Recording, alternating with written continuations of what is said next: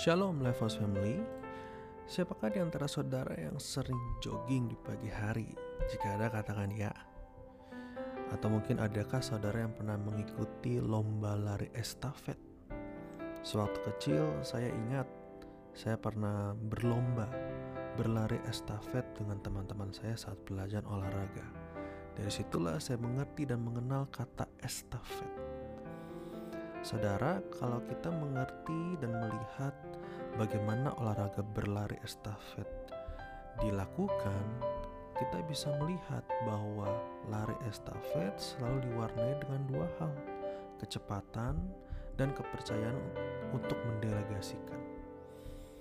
Nah, sama halnya dengan lari estafet, kekristenan juga diwarnai oleh kecepatan dan kepercayaan untuk mendelegasikan.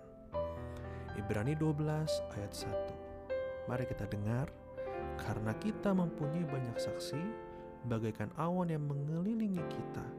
Marilah kita menanggalkan semua beban dan dosa yang begitu merintangi kita dan berlomba dengan tekun dalam perlombaan yang diwajibkan bagi kita. Kata berlomba di sini memiliki bahasa asli berlari atau berlari estafet. Jadi ini bukan berbicara tentang siapa yang menang duluan siapa orang Kristen yang lebih duluan masuk surga, tidak. Berlomba di sini berbicara tentang berlari estafet.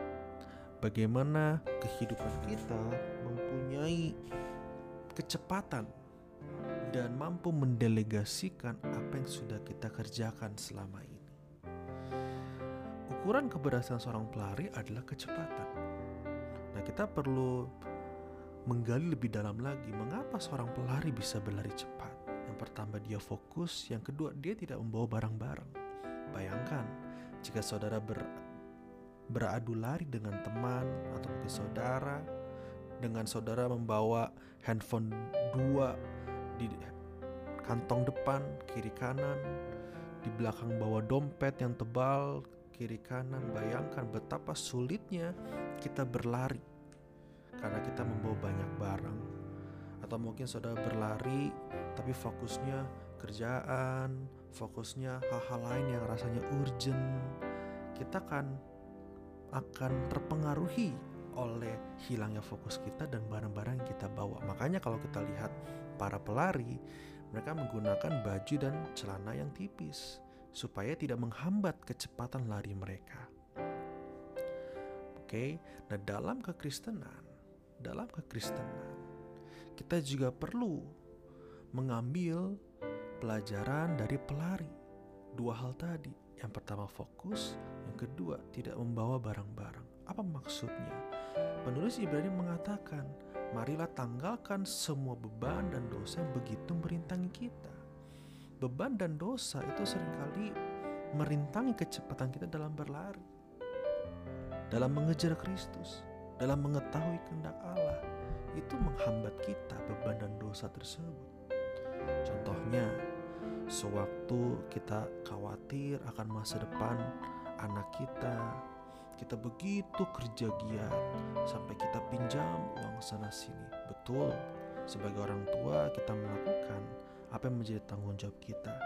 Tetapi ketika kita tenggelam di dalam kekhawatiran, bukankah kekhawatiran tersebut menjadi beban bagi saudara untuk menemukan rencana Allah atas hidup anak saudara?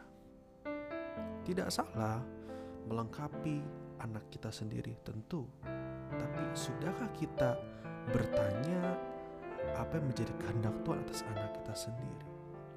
Ketika kita sibuk dengan berbagai pelayanan pekerjaan dan kita sampai lupa untuk berdoa merenungkan firman bukankah pekerjaan kita kesibukan kita menjadi beban yang harus ditanggalkan agar kita tetap berlari dengan cepat?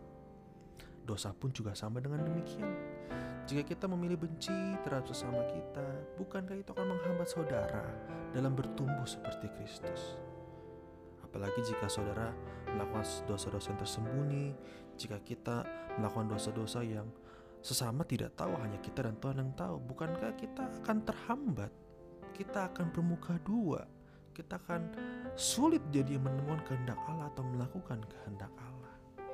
Beban dan dosa mempengaruhi, menghambat pertumbuhan kita untuk mengenal Tuhan, untuk menjadi seperti Kristus. Oleh karena itu, berlarilah dengan enteng, dengan nyaman, dengan cara apa? Tinggalkan beban dan dosa dan larilah mengarah kepada karakter Kristus.